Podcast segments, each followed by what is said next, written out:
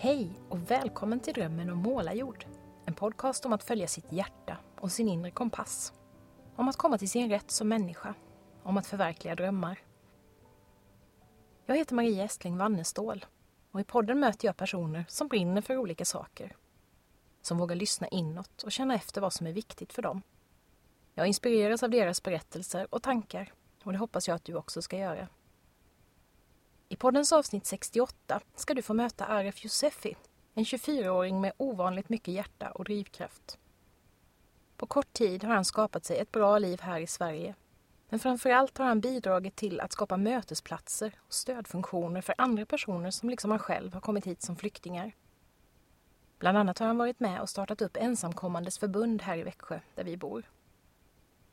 Jag har lärt känna Aref genom mitt arbete med Facebookgruppen Vi i Växjö som jag startade för att hjälpa till att sprida information om integrationsaktiviteter som språkcaféer, läxhjälp och mångkulturella evenemang. Och genom gruppen har ett antal olika organisationer fått kontakt med varandra och kunnat samarbeta. Till exempel med det språkcafé som skapades förra sommaren då de flesta andra aktiviteter var stängda. Och Aref var just den där personen som höll ihop hela det där språkcaféet. Jag har länge varit nyfiken på att få veta mer om Arefs livsresa och bakgrund och hur det kom sig att han engagerade sig på det sätt som han har gjort sedan han kom hit. Detta får du höra mer om i vårt samtal som spelades in hos Studiefrämjandet i Växjö. Välkommen att lyssna!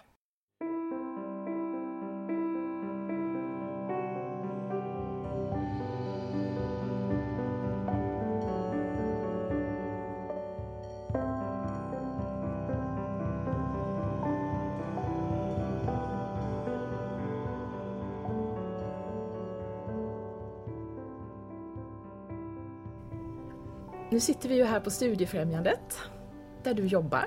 Mm. Ja, jag har Ja, börjat jobba Du har här. börjat jobba här. Ja, vi ska prata mer om det sen tänkte Så jag. vet jag. Mm. Men du har ju inte varit i Sverige så jättelänge, eller hur? Uh, ja, det blir två år och några månader. Två jag år. tappat. uh, Ja, ja just det. Länge? Och det är ändå ganska häftigt. Nu sitter du här, Mm. jobbar på Studiefrämjandet, har liksom...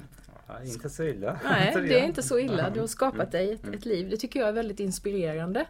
Och det tänker jag att det kan inspirera många just att, som du, liksom se till att skapa sig ett, ett bra liv när man kommer till en ny plats. Det, det är väldigt roligt att träffa dig tycker jag och eh, se vad du, ja du gör så mycket bra och roliga saker. Det ska vi prata om. Men jag tänkte först, jag är ju jättenyfiken på din bakgrund och livet innan du kom till Sverige. Det är ju så med många människor som kommer hit. Man vet inte, vad har de haft för liv innan de kom? Och du är, du är född i Afghanistan. Uh, ja, jag uh, där i Afghanistan.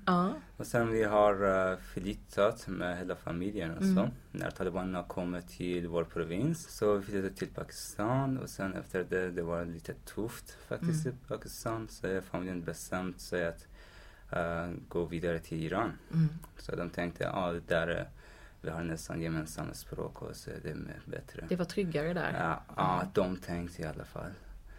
Eh, så vi bodde i Iran, Mm. eller jag bodde i Iran 16 år. Ja. Så jag är uppvuxen i Iran, Mm. i en stad som heter Karaj, väldigt nära i huvudstaden Teheran med 7 miljoner invånare. Okej. Så nästan- Lite större än Växjö då? Nej, ja, det, om man räknar med människor så nästan... Nästan som- hela som Sverige. Ja. Ja, ja just det. Så. Ja. Och bodde du inne i stan då? Eh, ja, alltså det är bara 15 minuter med buss, Mm. alltså i centrum Ja. från Karaj. ja, just det. Så. Hur var livet där då? Hur, vad gjorde Ja, faktiskt det var för mig var tufft. ni? Mm, Alltså, ja, vi var flykting, mm, eh, så vi har den, den lägre status i samhället Ja. som finns. Eh, och vi hade inte som skit eller så nätverk Nej. som vi borde ja, ha. Kunde dina föräldrar jobba och så eller hur funkar ja? Mm, mm. mm. De jobbade och sen jag började jobba också. Så. Du började också göra det innan ja, du Ja. flyttade hit? Mm. Ja, just det. Men hur, alltså, det här är ju länder som väldigt många av oss inte har besökt. För det är inte sådana länder som svenskar åker på semester till. Man åker till Mm. Thailand och man åker till Spanien. Alltså, kan du berätta någonting om hur, hur är vardagslivet liksom i länder som Afghanistan, Pakistan, Iran? Ja, det är faktiskt lite annorlunda än Ganska här. mycket annorlunda än här. Ja. Ja, visst. Eh, och sen, eh, Jag vet inte så mycket om Afghanistan. Nej, jag var var sist liten. bara en månad. Ja, eh, 2015 i Afghanistan. Så Ja.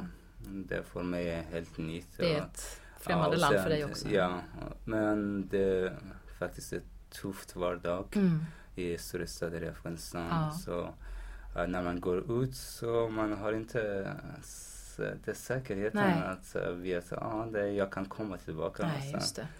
Så det är många är så här men eh, det är en av det vardag. Mm. Så det folket tänker inte så mycket på det. Vänjer man sig vid den tanken? Jag menar här skulle man, i Sverige skulle man aldrig gå utanför dörren och tänka ja men nu kanske jag inte kommer tillbaka. Men om det händer hela tiden kan ja, det liksom, blir så, så normaliseras det på något sätt. Ja. Eh, om vi uh, tar exempel nu Arabi. ja, Så många tycker att det är livsfarligt att Just jag det. går dit, cyklar dit. Det kan Just inte det. hända. Eh, men typ jag var i Herat och Ja. sen det kommer någon gång självmordsbombare Ja. och sådana saker som Just spränger det. sig själv. Men det påverkar inte så. Alltså, folket det blir väldigt van med det. Så de tycker ja. Och sen för några år sedan så var det var helt krig. ja, Så de så hårt den uh, upplevelse Mm. Så. just det. Ja, men det är så. Ja. Så det är lite svårt. Ja. Just det. Hur funkar det liksom med, ja, jag tänker sånt som infrastruktur, som transporter, så, eh, mat. Alltså är, är, kan man ändå leva, förutom den här då märkliga situationen att man egentligen kanske då borde vara rädd fast man kanske normaliserar det. Men i övrigt, är, är livet, är det stora skillnader tycker du ändå med hur man lever på andra sätt? Jämfört med? Eh, det är transport och sånt så det är väldigt märkligt där. Ja. Så oftast uh, det man hoppas på typ bussen kommer. Ja, ja just det. Det är inte Så, som här, ja, den går klockan 13.03, 13.06, Ja. 13 så, utan nej. Så nu jag har en japansk tjej och sen Mm. hon eh, det, alltså, klagar på bussar i Växjö. Ja. De, kommer fem minuter sen. Ja, så för mig, jag är jättetacksam de kommer fem Att det minuter. kommer så, överhuvudtaget, ja.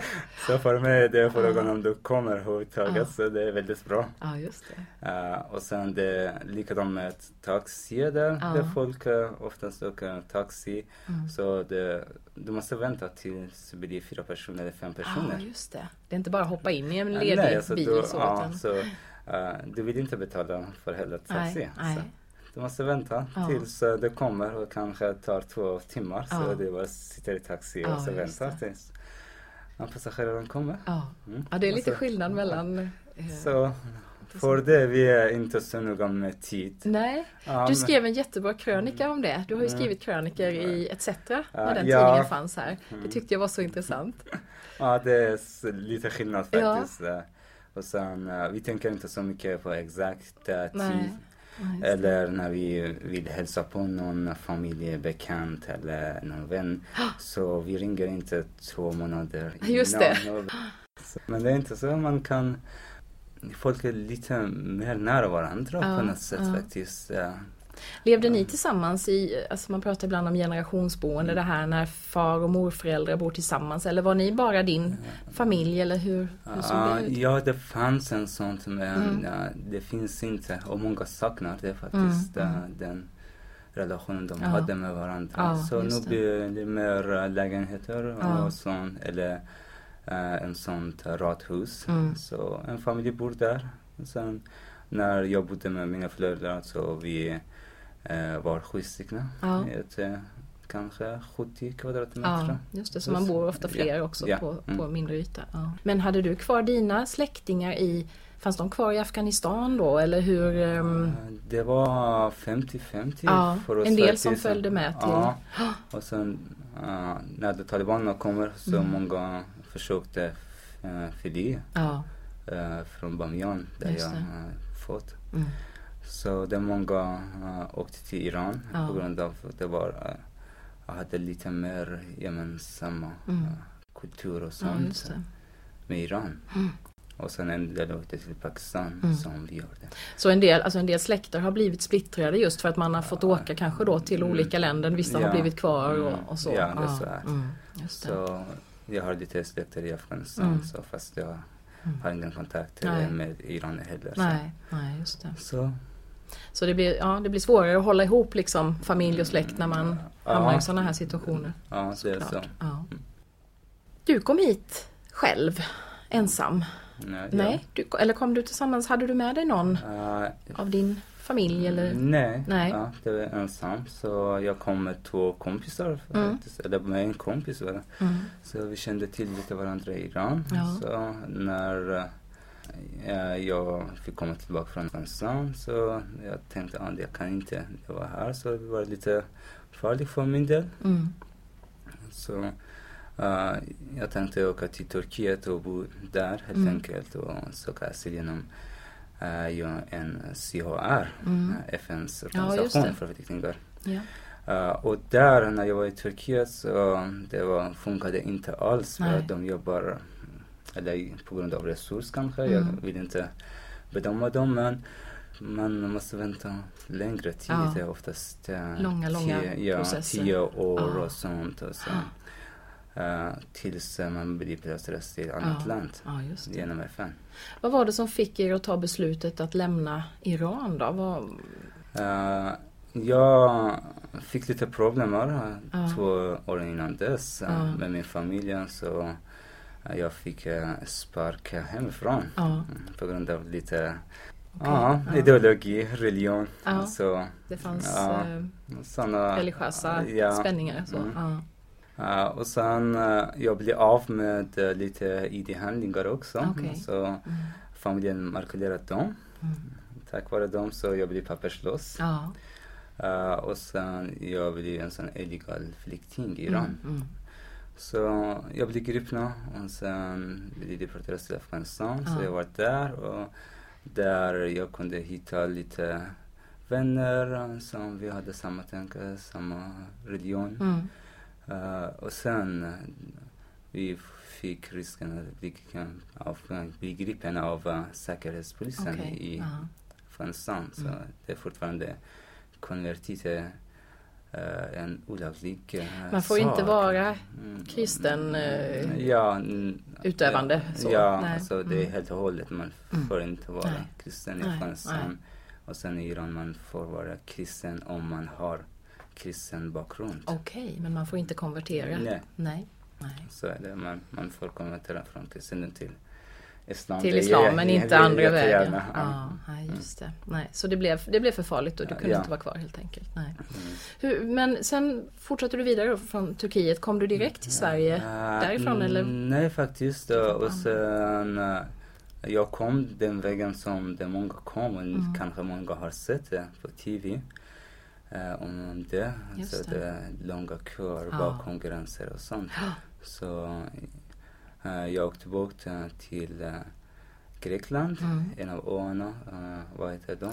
vad heter de? Lesbo- Lesbos, finns det någon? Ja, Ja, ja, det. Lesbos, Mm. det är exakt vad det är. Mm.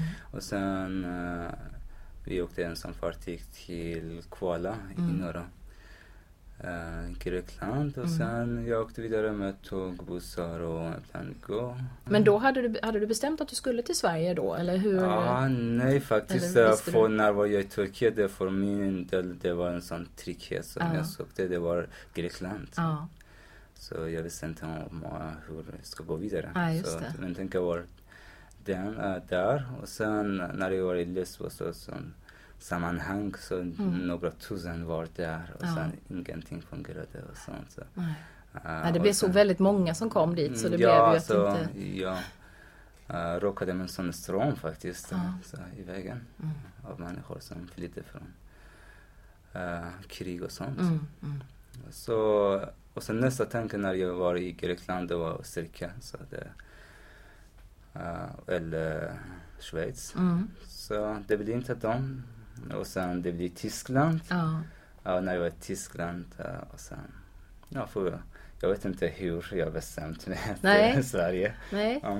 för ibland tänker man att Sverige ligger ju så långt bort. Mm. Hur, hur kommer det sig att man ens kommer på tanke? Men Mm. är det så att alltså, i flyktinglägren och så pratar man om vilka länder som Ja, som Mm. är säkra kanske eller så. Får man veta? För jag tänker att annars måste det vara jättesvårt att veta vart, vart ska man åka? Uh, på den tiden det var lite volontärer som hjälpte Ja, flyktingar Det fanns vägen. en del där nere. Ja, mm. just det. Mm. Det fanns en Mm. sån.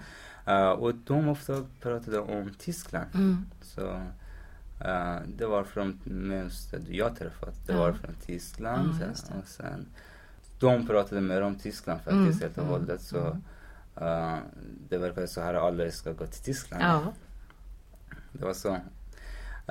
Men ja, det, det, man uh, hör inte så mycket om Sverige i Nej. um, Mellanöstern nej. Så man vet att ah, Nobelpriset från Sverige. Ja, just det. Och sen, ja, Volvo är från Sverige Ja. och inte mer. Ja. Men man kan uh, höra och se mer Tyskland Mm. i TV och sånt. Det är så det de som så är, ja, kanske Så, kanske- mottagarland. ja, Ja. ja, just det. ja, Men du hamnade här Mm, ja, till i slut. alla fall. Till I alla slut. fall, Ja. ja. Och det var då före, det var innan de började stänga gränser för sen, sen kom ju de här, eller när, när var det? För du sa du, Det var, gränsen var stängt Det var stängt, ja. Ja, det var Mm. stängt. Ja, och sen vi fick hoppa av tåget i Öresundståg. Mm. Eh, sånt, eh, just där nere i ja, Malmö. Ja, nere i Malmö Ja. på bron. Eh, och sen, och sen de sa att ni har två val helt Mm. enkelt. Eh, eller söka asyl i Sverige Ja. eller åka tillbaka till Danmark. Så vi sa vi ska söka asyl. Men jag hade en tanke faktiskt att åka vidare till Norge. Till Norge? Ja, ja, så ja. Jag vet inte hur det kommer, de tänkarna, så det går Nej. vidare, vidare. Och sen jag vet inte om jag kunde åka till Norge så kanske det kommer nästa tänka att du Ja, kan ja, du kan åka vidare till Du Island. kan ju fortsätta. Ja. Island kanske. Precis, ja. De tar nog inte, jag tror inte Island tar emot speciellt mycket Ah, flyktingar, Jag tror inte heller. Nej, jag har Ja, känsla av att det är ganska sådär, ett ganska stängt eh, Mm, land. Men det ja, med en 300 000. Ja, så det de är inte så så- många. ja. Nej, nej, Sen jag träffade en präst eh, här i Lammhult och Ja. han sa vi har en sån app så vi frågar när vi möter varandra en Ja. från Island. Och sen, ja, vad heter din far? Och sen, vad heter din farfar? Och sen vi slår på appen och sen vi blir kusiner. Ja, ja, ja.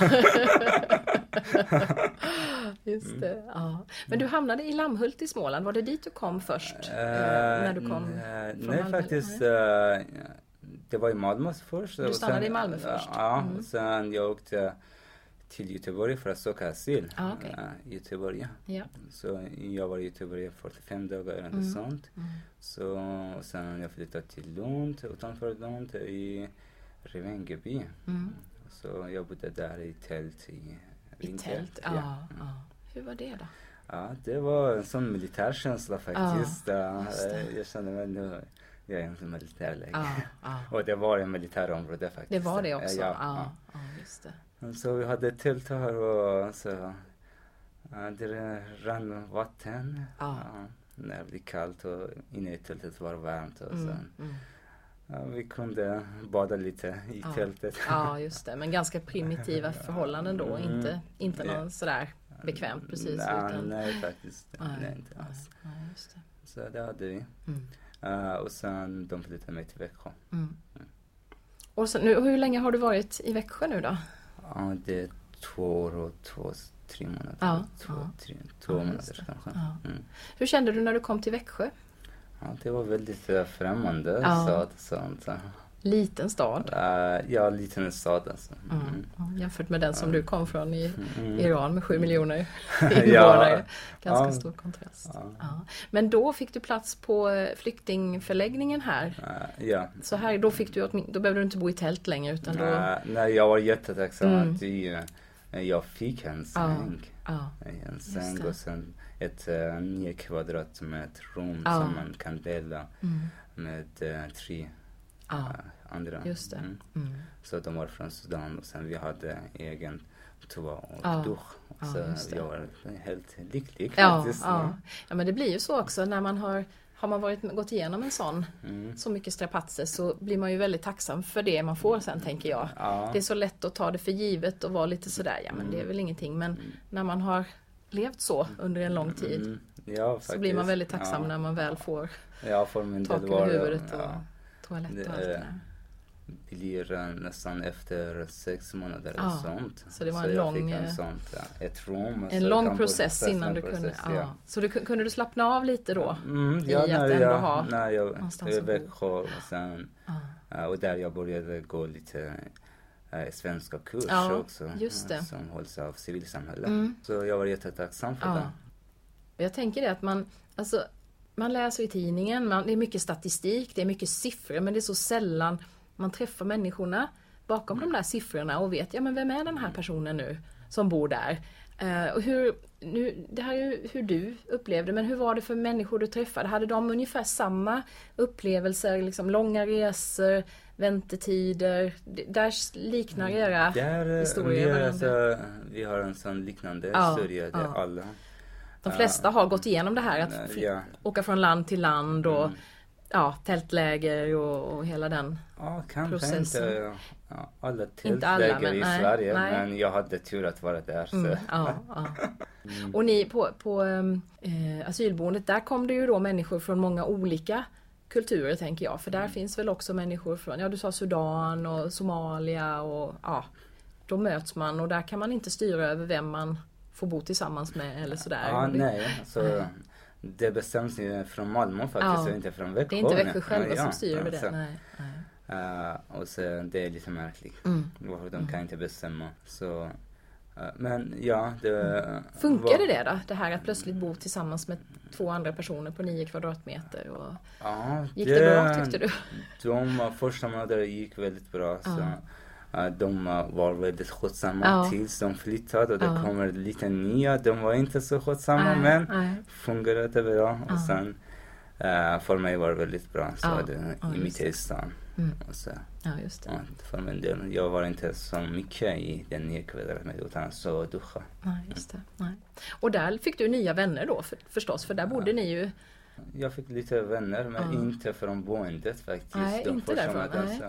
så För dem också, det var lite eh, svårt att acceptera en kristen kille. Ah, det finns sådana, sa- just det. Mm. Mm. Ja, för jag tänkte just på det där när man sätter ihop folk, Mm. att det kan ju bli väldiga spänningar emellan kulturer också när man kommer. Men kände du av det mycket då, att du var... Ja, ja, de första månaderna så det var lite svårt en sånt att de accepterar en sån jätteöppet kristen kille. Ja, så. just det. Ja.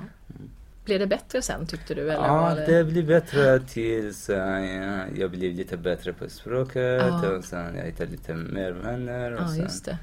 Ja, Då kunde du börja röra dig utanför. Ja, För det är det jag tänker att många som hamnar på asylboenden, de blir liksom lite fast där. Man kanske Mm. inte, inte tar sig utanför så mycket. Man, man stannar väldigt mycket där och Mm. det har jag uppfattat att du har varit en sån person som har Ja men du har tagit dig utanför, du har sökt Mm. kontakter, du har lärt känna nya människor, du har hittat nya sammanhang. Att det är så viktigt och... Ja, faktiskt. Det, det. många fastnar i sånt Ja. och sen det blir, de blir dipiga och kan inte röra. Eh, min kamrat eh, i rummet var en sån. Eh, och sen eh, han fastade på dagarna och sen uh. sov hela dagen och just var vaken hela natten och lyssnade på en slags musik och sånt. Mm, Så det var väldigt svårt för honom. mm, just det. Och det är ju inte konstigt, man bär med sig Mm. massa minnen från kanske från krig och förföljelse Mm. och förtryck. Så att, att man har med sig liksom, man har ju Mm. med sig ett bagage av tunga ja. känslor också. Och så kommer man till en sån här miljö där allting är främmande och man kan paras ihop med vem som helst. Och, och. Ja, verkligen. Jättetufft för många. Ja. Den här asylprocessen, den hör vi ju mycket om, läser mycket om i tidningen. Att man söker och man får avslag och man söker igen och så här. Hur har det sett ut för dig? Det här med asylsökande? För mig när jag sökte asyl i Sverige så det var en väldigt trevlig kille från Ja. Migrationsverket och Ja. sen han tog mig i hand och eh, sa välkommen till Sverige. Så Ja. det var helt... Du kände sen- att du, var, du Mm, kände det? Ja. Varma mottagandet? Ja. Eh, och sen det, um, började väntetiden Ja. på intervju. Så för att de vet uh, varför jag är här. Mm. Och för min del tog väldigt lång tid. ja. Så det var nästan två år och Mm. sånt. Så det tog tid och tills eh, jag fick bli intervjuad och Mm. Ja. sen och en intervju till här i Växjö. Ja, och sen de uh, provat min asyl och de Ja. bestämt att uh, ge mig skit. Nu? Behov, Ja, ja, just det. Och hur, hur ser den asyl... Eh, vad är det du har idag? Har du, har du rätt att stanna här nu? Eller måste du sen ompröva? eller funkar det? Ompröva. Så, så det är Ja. sånt eh, med nya lagar. Jag kom den 20, uh, eller jag sökte den 26. Ja, Så lite efter den att de hade ändrat ändrat lagarna. lagarna. lagarna. Ja, just det. Mm. Eh, men eh, jag kan omprova Ja. igen och sen Mm. får se vad kommer med mera lagar. Ja, Mm, ja just så. det. Men då får man en, en, ett visst, en viss tid. Man liksom vet att så här länge får jag stanna och sen får man söka igen. Och sen så småningom kan man söka medborgarskap och, och Ja, sådär, det, det, lagen faktiskt, det, Ja. det, vi har en sånt äh, lagar och Ja. es- eller en sånt myndighetsspråk som Ja. kan tolkas Ja, på olika sätt. Och sen, eh, ingen vet hur man kan tolka rätt nej, faktiskt. Äh, men jag har en tre års äh, uppehållstillstånd. Ja, så tre år vet du Ja. att du kan slappna av och känna att nu Ja. är det lugnt. Nu kan jag få vara här utan att behöva vara orolig för. Ja, och sen vi får se efter tre år. Så nu Mm.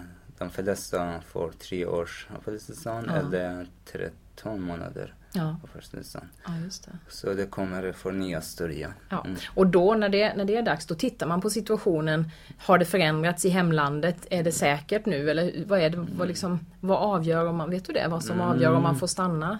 Och så Igen, nu, sen. eh, innan eh, Sverige hade tre uh, status för alltså, helt flyktingarna. Mm. Så det var den första som eh, det var flyktingstatus. Ja. Mm, Så de som har eh, stora problem med politisk eh, religion och ras och uh, homosexualitet och sådana saker. Mm. Så de får flyktingstatus. Ja. Och sen människor som har problem med krig och sånt som de är skyddsbehövande. Mm. Som de har skydd.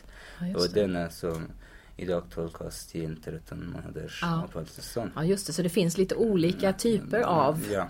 eh, tillstånd man kan få där. Ja.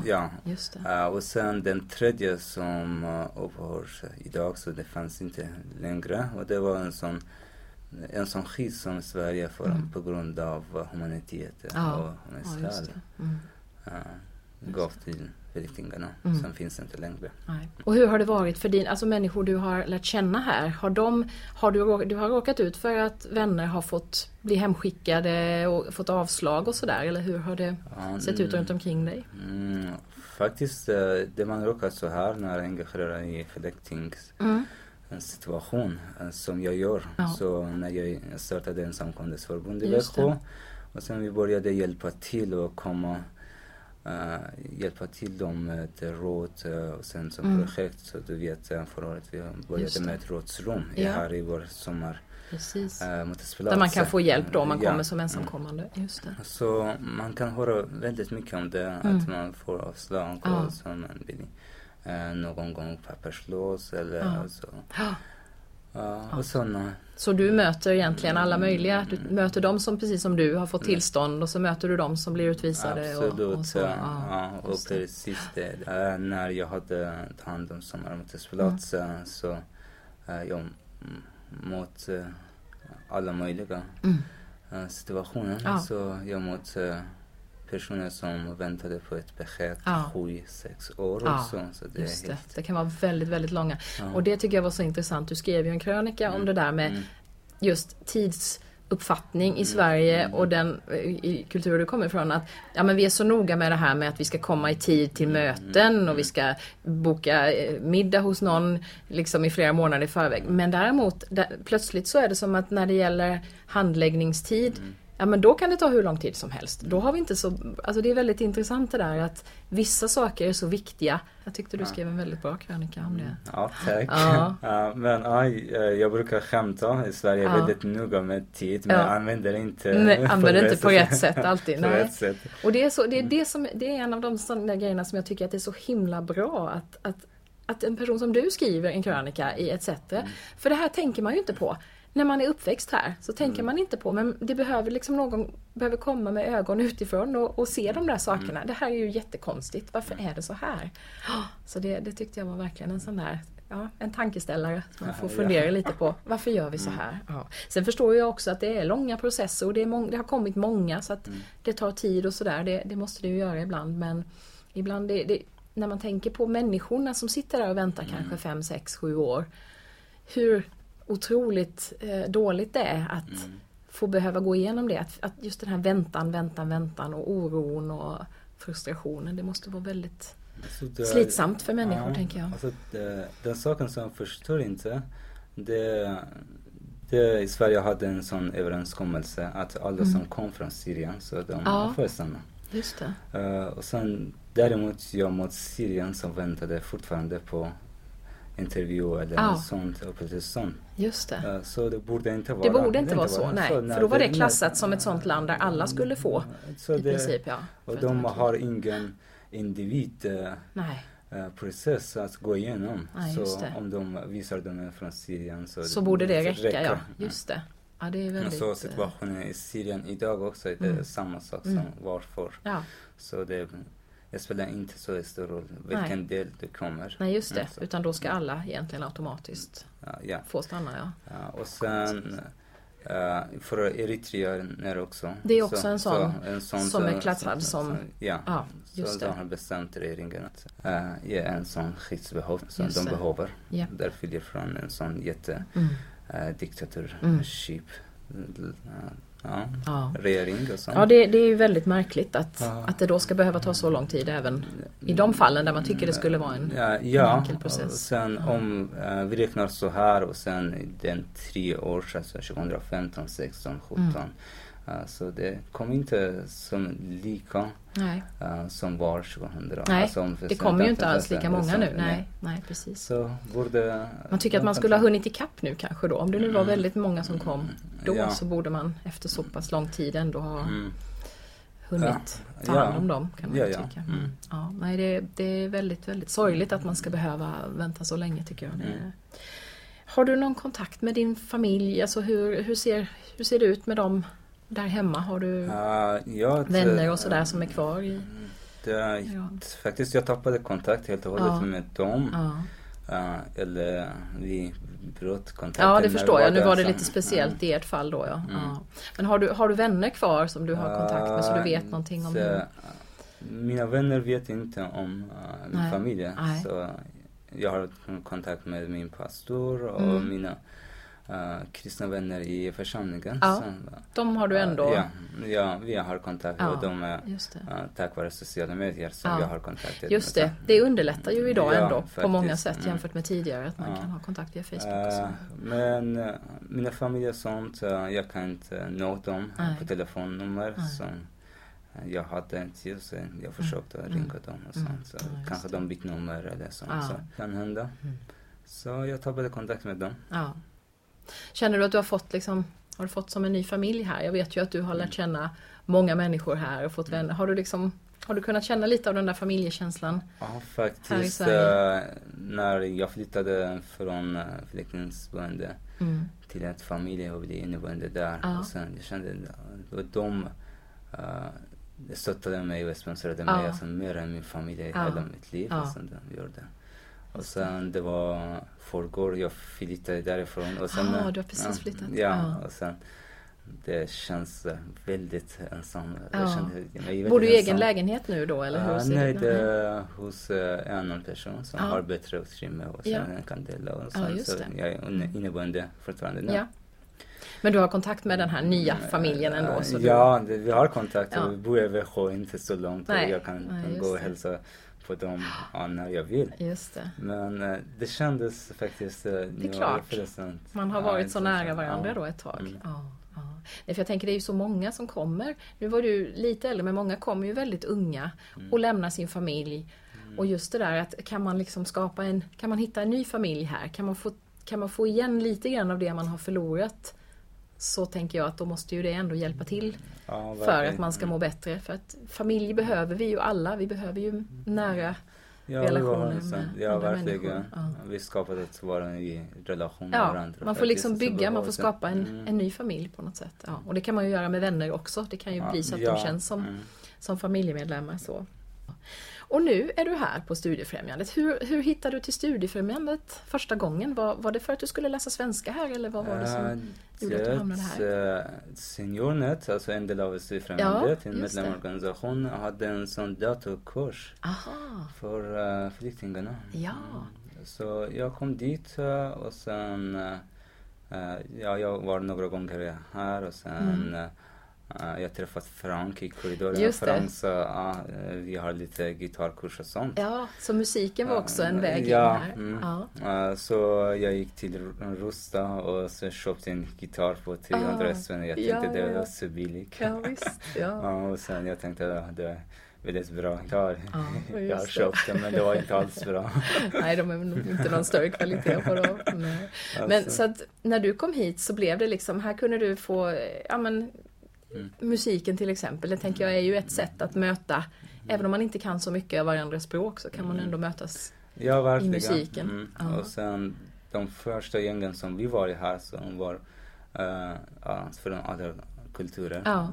Sen det var väldigt skönt. Ja. Och, jag kunde spela lite grann Ja. eh, fast eh, vi var helt nybörjare. Just sånt, det. så. Och ni startade ett band också, eller hur? Ja. Frihetsbandet. Ja. ja, just det. Varför, varför kallade ni det Frihetsbandet? Ja, det kommer från en låt så jag tycker om det. Ah, och så ja. det uh, nästan en, en sån tolkning från Imagine av John Lennon. Ah, så persiska. Det var det. Så, ja, jag tänkte det är fint Mm, namn det är och fint, sånt. Så, det är det. Ja, och det är ju- behåller lite frihet. Precis, Så, ni har kommit från någonting där det, Mm. till någonting som förhoppningsvis i alla fall ska vara lite friare.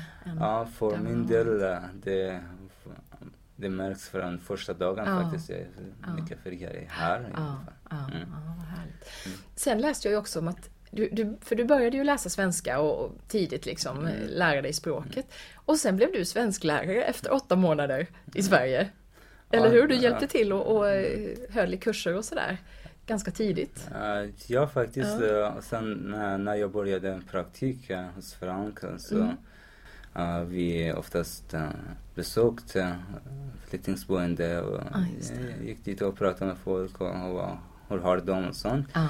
Och sen eh, det var i sommaren 2016 som vi var där och sen vi märkte att ah, de har ingen att göra. Nej. Så jag måste starta ett kurs för dem i alla fall. De kan eh, lära sig de grunderna. Ja.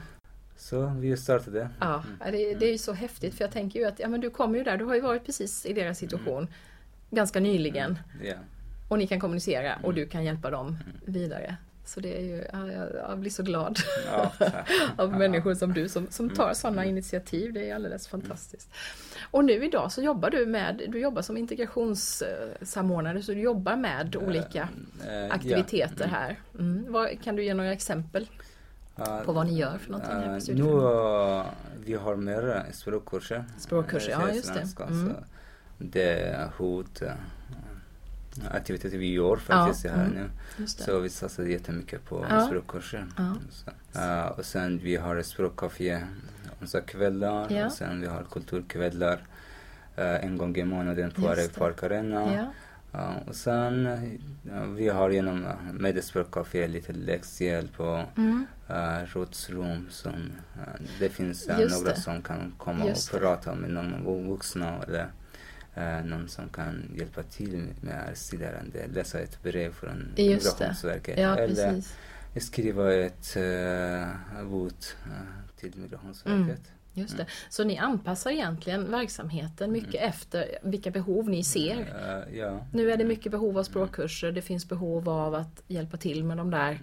ja, processerna som folk är inne i och då, då finns det liksom en, ett stöd man kan få här då. Ja. Ja. Och du var ju med och startade ensamkommandes Mm, ja. förbund här Ja. Mm. i, i Växjö och då jobbar ni tillsammans med Studiefrämjandet eller hur funkar det? Mm, Eller ja, ni alltså liksom vi har ett uh, samarbete. Ja. Så Studiefrämjandet uh, stöder föreningen Ja, och föreningen gör verksamheten. ja, Mm. ja just det.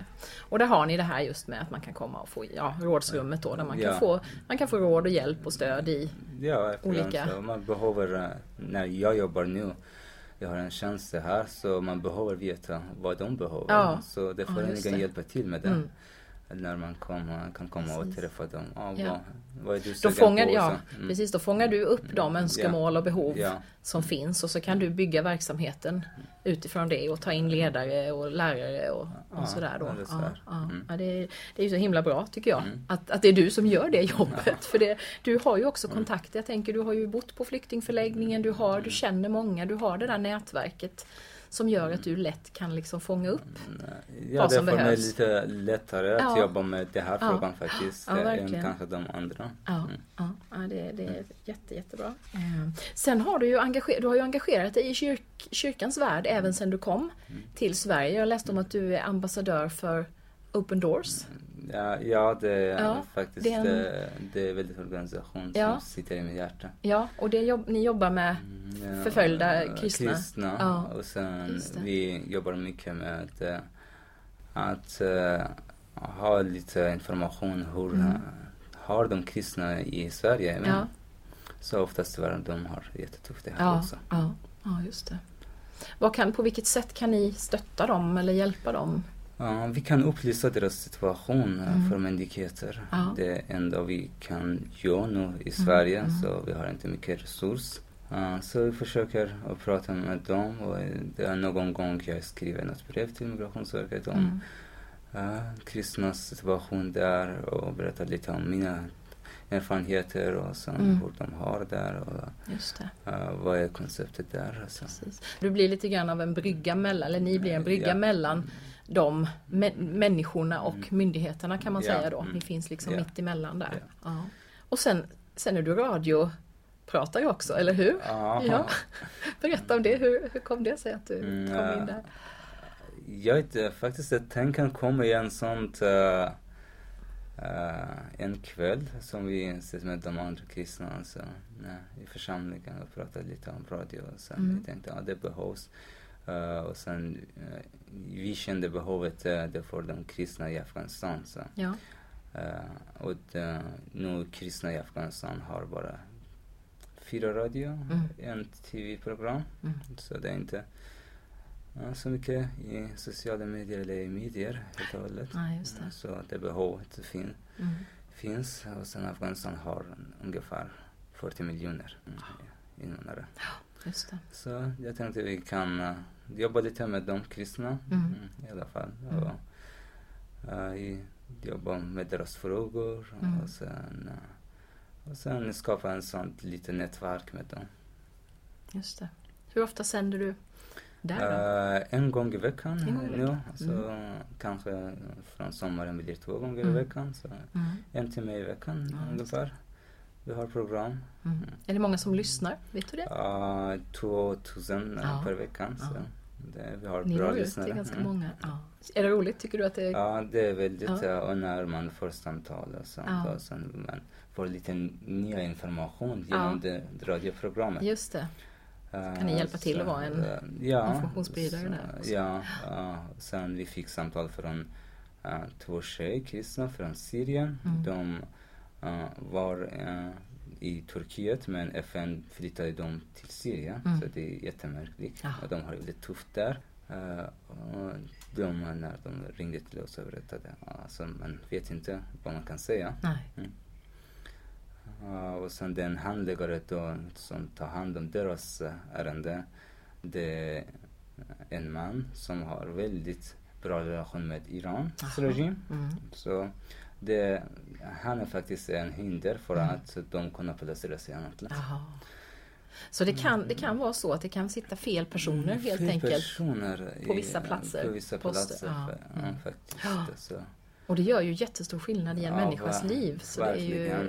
Egentligen det- otroligt att det ska mm. kunna vara så. Ja, ja, oftast jag säger det rätt person i fel plats. Det gör Ja, inget. nej. Så han gör den bästa Mm. han kan, eller Mm. hon kan. Precis. Eh, Men, Men eh, fel fel person, person. i rätt plats Ja. eh, gör för mycket. Det kan bli faktiskt. alldeles- Mm. Jättetokigt. Ja, ja, visst. Jag tänker att du, alltså din, din tro, din kristna tro, den, har den hjälpt dig när du har, för du har ju haft många tuffa år här, du har gått igenom mycket. Har den liksom varit det som har hjälpt dig att, att orka? Ja, ja du? det, det är säkert. Ja. Så, och den tacksamheten som Ja. jag har eh, in i tron, Mm. den hjälper för Den mycket. hjälper mycket, Mm. ja. ja Så det. oftast vi säger med tacksamhet, Mm. då Mm. kan lyfta upp dina problem till Gud. Ja, Mm, ja det. Man kan få är lämna tacksam, över mm, ibland till någon annan. Ja, och, och, så. och sen när man är tacksam för den som har, så det skapar en sånt uh, att man är nöjd. Just det. Det kanske blir på något sätt lättare att acceptera Lättare, ja, det. också. Så man ser den man har istället för den inte man har. Nej, just det. Precis. Och jag tänker också det där att man känner att man inte är ensam. Ja, För det ja. tänker jag med alla som kommer Mm. ensamma nu. Just det här att jag har ju sett det att det är många som är engagerade i kyrkan och att man Mm. Ja. ändå har, där får man en gemenskap Mm. och man, man eh, känner att ja, det finns någonting mer här liksom som, som ja, kan hjälpa mig. Ja. faktiskt väldigt eh, en bra grej. Om man tänker på civilsamhället så har ju kyrkorna ofta, det har de ju i många, många år, Mm. tagit ett stort ansvar när det gäller att hjälpa ja, utsatta på alla möjliga.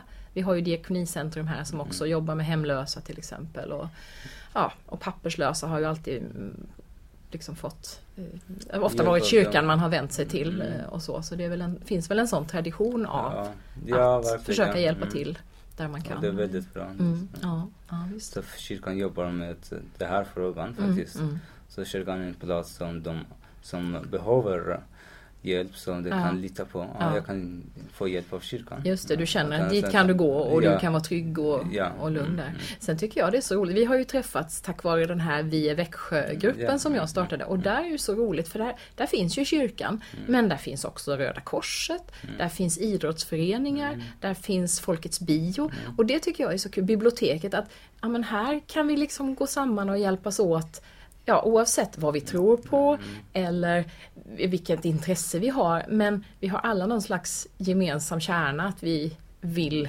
försöka underlätta och göra det bästa av Ja. situationen för Det civilsamhället Ja. eh, har ju jättemycket har tagit ett stort ansvar på ja, många sätt. Ja.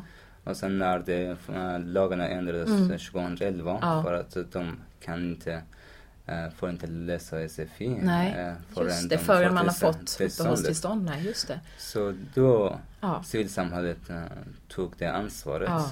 äh, Ja, för det skulle vara, det är ju helt vansinnigt att vänta, alltså ända tills man får uppehållstillstånd, all den tid. Om, tänk om, att, om det tar fem år som du säger, det finns, i- att det händer ibland. Ska man då inte, ska man inte, och man kan ju inte göra någonting om man inte har språket. Det blir väldigt ja, svårt att verkligen. finnas med eh, i samhället på något sätt. Så att eh, då är ju civilsamhället Ja, det väldigt ser- viktigt då, kan kunna hjälpa till där. Det, Ja, Det jag hoppas det kommer lite mm, mer strukturer Ja, och det mm, sånt som mm. skapar en sån möjlighet som de Ja, kan börja lära sig språket från dag ett mm. istället för att vänta. Precis, för det är ju någonting du har gjort. Jag tänker på det. Att du är så, nu sitter du här på Studiefrämjandet, du har jobb, du har fått uppehållstillstånd och du har ju också från första början tagit till dig språket och gjort vad du har kunnat för att utveckla och lära dig och, och liksom, finnas med. Det är ju så centralt. Ja, det är ett, det är eh, språk är jätteviktigt i samhället. ja precis. Och det har du också skrivit fina krönikor om i ETC. Det om, ja, men hur viktigt det är verkligen Ja, att, verkligen. att man får språket med sig från början. Det, det är jättes, jätteviktigt. Så. Men jag funderar på, alltså det är ju många som blir ganska passiva, det berättade du själv om och det kan man ju förstå när man, ja, men man har med sig mycket, man, man blir lätt deprimerad av att vänta. Men du har ett sånt engagemang. Var, varifrån kommer liksom den drivkraften och energin och det som har gjort att du inte har blivit sittande någonstans utan att du, du tidigt sökte dig ut och eh, aktiverade dig? Vet du vad? Ja, jag, jag Vad beror det det på? är frihetskänsla Ja. faktiskt. Eh, Jag bodde i Iran i 16 år Ja. och sen där oftast eh, vi fick inte göra den vi vill Nej. helt enkelt. Ja, just det. Så det är på grund av rasistiska Ja. äh, tänken Mm. det äh, syn som samhället har på flyktingar och oftast med ett lite mer asiatiskt ansikte i Iran. Mm. Det är på grund av det Mm. och sen det är myndigheten som man får inte göra Nej, mycket det. nej. Så när man känner sig, ah, ja nu är jag fri. Nu i alla fall, ja, Ja. Uh, ja, man har inte pengar eller Mm. man har inte något uh, väldigt bra uh, situation här men Nej. man har den friheten att göra, att jobba engagera sig. Just det. Så det kommer lite från den känslan. Ja, så man känner sig nu, ja, nu jag öppnar sig en massa ja, dörrar. Nu mm. tänker jag kliva in genom Ja, dem också. mm. Ja, ja det, är, det är jättehäftigt. Och jag tänker att du blir ju en inspirationskälla för många. I och med att du har kontakt och du syns och du hörs. Alltså, Mm. att ja, det här liksom att, att på något vis ta vara på livet. Som du har, eh, den friheten du har fått här och sådär. Och, och använda den på ett så bra sätt som, som du gör. Det, det är jättehärligt. Jag funderar också på vad, vad tänker du när, vad är det viktigaste liksom, om man tänker på när en människa kommer till ett nytt land så här. Politiker kan göra vissa saker. Mm eh, vi vanliga människor på gatan kan göra saker och den som kommer kan göra saker. Vad, vad, vad är viktigast för att det ska fungera sådär bra? Vad, vad behövs liksom? Har du funderat över det? Uh, det mesta, den flesta uh, informationen man får det första gången om nytt samhälle. Mm. Så för min del, uh, jag läste en sån blogg. Ja, blogg. just det. Lära dig om hur ja, samhället och sen, och sen det var en kille som skrev om Sveriges samhälle på persiska. Ja. Så det är väldigt lätt att Just det. läsa. Och sen vad är skillnaden, vad som gäller här. Uh, det är små saker och Mm. uh, jag tycker det hjälper en sån. Ja, då har du lärt dig sen mycket så- genom ja, att eh, alltså bara, läsa ja, om bara läsa och sen Ja. veta ja, andras hur, erfarenheter. hur det här fungerar Mm. och sånt. Så annars det är jättesvårt. Ja. Alltså när man kommer från andra kulturer Mm. och sen en annan kultur och sen Ja, det kan inte språket Nej. och sen det kommer misstag och Ja, sen ja. missförståelse och sådana saker. Så Just det. ja, det lite svårt. Ja. Mm.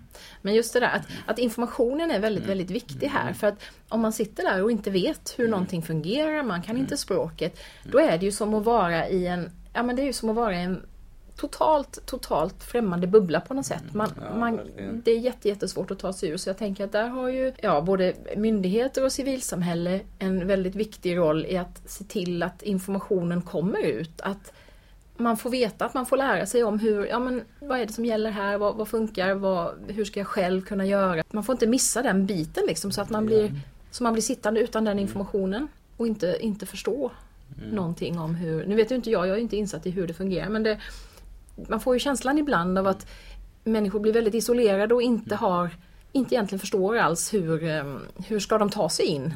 Tänker att man, det behövs från båda hållen där, att man behöver få hjälp med det också. Ja, jag tror om uh, vi har flera sådana uh, webblag som skriver uh, Ja. både på svenska och Ja. sen kanske om hur tänker en nyanländ Ja. eller hur är deras kultur det. Mm. för svenskarna och sen samtidigt de kan man kan skriva på andra språk. Mm. Som, uh, Så att man kan få känna igen sig och förstå tydligt. Ja, Ja, det, just det. det här är som det gäller eller Ja. Mm. det här som det är en sån tradition eller kultur eller vad vi kan vara. Ja. Så.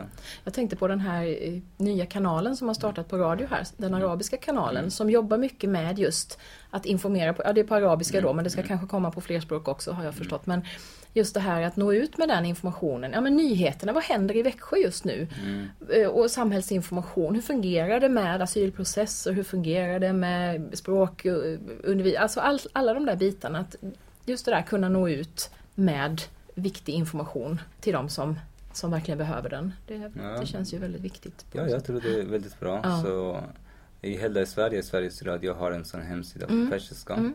Så jag läser inte så mycket persiska men eh, någon gång jag Mm. ser på Facebook, ja det kommer hända någonting Ja, så, Precis. ja, så ja, man kan få mig lite lättare. Ja. Nu att Så webb- ja. det, Internet är ju väldigt bra på det Ja. sättet att det blir lättare att Mm. nå ut och du beskrev om bloggarna här och alltså Mm. just det där att vem som helst kan egentligen få ta till sig den informationen. Mm. Man kan lyssna på radio när man vill för sändningarna ligger på nätet och sådär. Men vad, vad kan liksom vi, vi som har bott här i Sverige nu i jättemånga år, vad kan vi göra? Eh, Som inte jobbar på myndigheter eller på radio eller så. Har du några bra tips till oss? Eh, ja, det, Vad kan vi göra? Ja, faktiskt, eh, jag känner så här, det samhället det blir mer individ och individ och folket det blir, tar avstånd från Ja, varandra. Ja. Och så vilken sig. sån, ja, på något sätt, eh, det är en sån här stund, jag tror det är politisk fråga, jag Ja. kan, som, de vill gärna, de bestämmer över våra Ja, liv. Att ja. nej, du måste ha en meter avstånd och privatsfär Mm, och sånt. Så mm. du får inte eh, pussa någon på kinden Nej. eller så. Ja, men uh, det här frågan att uh, vi var lite mer sociala med varandra och sen det. prata. Att våga, att kanske våga, våga prata med någon ja, på bussen, enkelt, eller- Eh, det. och det här faktiskt i Sverige, det, bara, det är för mig det enda landet man, eh, när man sitter på en snälltåg och sen, det. och där står, uh, säg hej till medresenär.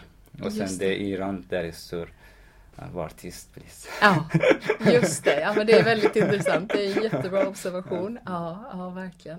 Ja, för vi är lite så. Vi är kanske lite blyga och lite, ja, men lite som du säger också. Vi är individ liksom. Ja, det här är mitt och det där är ditt och svårt att Jag tror det våga kommer inte från eh, individer, det kommer från de som bestämmer i Ja, samhället. Så det Att det har blivit lite, en sån eh, Ja, så på kultur på något sätt. sätt Ja. normaliseras. Ja, du är individ så Ja, det är ja, helt okej. Ja. Och sen, du får inte prata om politik med andra. Nej. Alltså, Nej, just det, det är jättefarligt. alltså, ingen ingen eh, får inte Nej. veta vilken parti du röstar Nej, just på det. Det är vi väldigt Så- hemliga med. Ja, det har du så, i.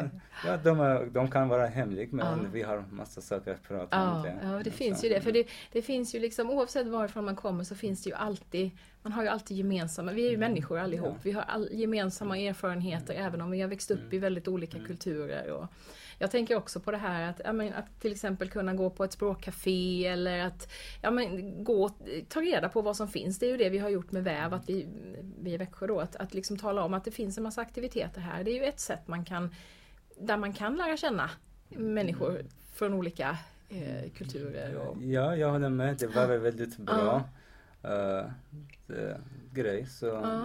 eh, även de som sitter i äldreboende Ja, eller ensamma hemma och sen får inte besök och sånt. Så det man, och även de Ja. blir, pigga och sen de blir, ja, det, man Precis. tappar hoppet Ja. och sen man blir sådär. De kan Just komma till språkcafé. Så det behövs lite mötesplatser sådär där man kan Mm, så man kan, ja, där där man, man- kan komma och prova Ja, lite. ja, just det. Ja. Om man nu inte vågar prata med den där som sitter på tåget bredvid så kan man i Ja. alla fall kanske gå till Mm, ja, det, ett språkcafé. ja, verkligen. Man behöver våga. Det är så komplext på ett sätt för att det finns så många, ja men det är den politiska nivån och myndigheterna och vilka beslut som tas. Sen är det alla individer som, som också gör sina val och sen är det frågan om den som kommer, vad har den med sig och vilka drivkrafter finns det och sådär. Så att det, det är ju en, det är en knepig situation. Så- Men ja, det det kan bli väldigt bra också ju. Ja. Det är ju det. Vi har ju så stor glädje av er som kommer och, och bidrar liksom till öppna våra ögon för saker som vi inte tänker på annars till exempel. Är fint. Du, vad, har, vad tycker du är det konstigaste med Sverige? Jag tänkte på det, här, tiden var ju en sak du tyckte var konstig. Finns det andra saker du tycker är konstiga här? Eh, det är att eh, för min del, uh, de var de första dagarna i Göteborg. Så i vår kultur, när du sitter på buss, så det kommer äldre, det ditt uppgift att uh, stå Då reser du upp, ja, just upp och att lämna sittplatsen till den äldre personen.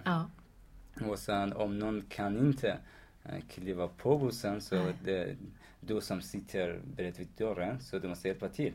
Så för min del det var så här, det var en eh, dam, eh, äldre dam så med rullstol och så skulle kliva av men det hade Ah. jättesvårt. Så jag försökte hjälpa till och så Ah. hon blev jättearg och sen Oh. vi kom. Sen för mig, wow. Och, se det. ja visst.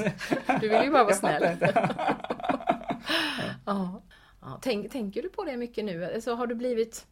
Nu har du bott här ett tag och du umgås ju med ja, men alla möjliga, men med svenskar och med alla så. Har du, har du blivit liksom, tänker du mer svenskt nu tror du? Än du gjorde när du kom för två år sedan? Mm, jag har säkert att uh, människor blir uh, med den som man har med De man umgås som- med, ja, som just de, det. Så Så man, man blir kanske- nästan med, som våra, Ja, de just det. andra. Man Så- börjar bete sig så lite Eh, själv ja. som, som andra runt Ja, omkring fa- faktiskt jag Ja. märkte det, det här. Så oftast jag försökte vara jätteartig och sånt. Ja. Och, sen, och sen jag var tre dagar med de journalisterna som, när Ja. vi hade mediadagarna. Och sen Ja. det några från medelklassamhälle, några från ja, den överklassamhälle. Ja. Så när det kommer servitören, jag tackade inte för maten. Så Nej. för att vara lika som Då skulle du vara likadan som, som, som, Ja, som ja. dem.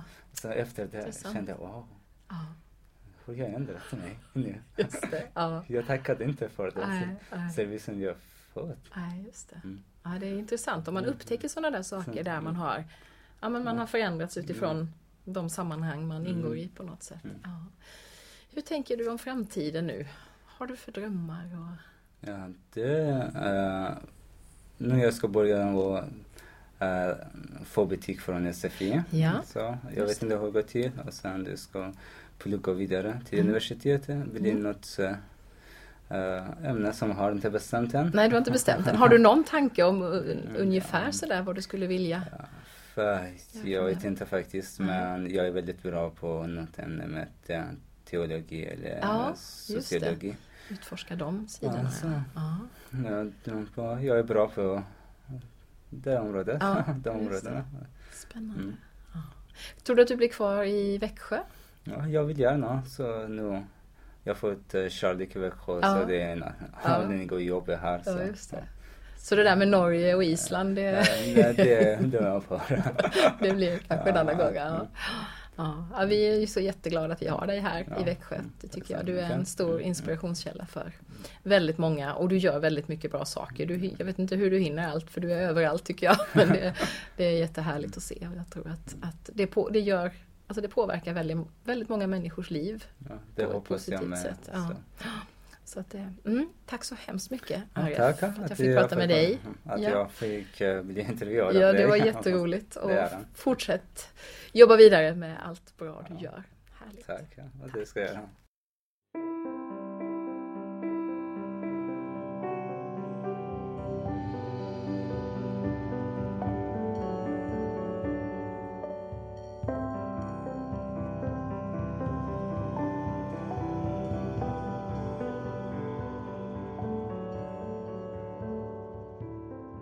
Jag imponeras av Aref och hans förmåga att, trots att han inte haft det så lätt i livet, engagera sig och ta sig an det nya landet på ett så positivt sätt.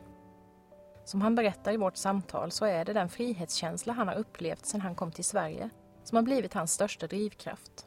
Att verkligen ta vara på den friheten och göra någonting bra av den.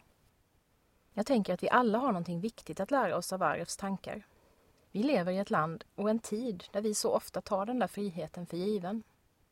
Tänk om vi alla skulle ta till oss av Arefs tacksamhet för allt det där bra vi har och så använda den som drivkraft till att på olika sätt försöka bidra till en bättre värld.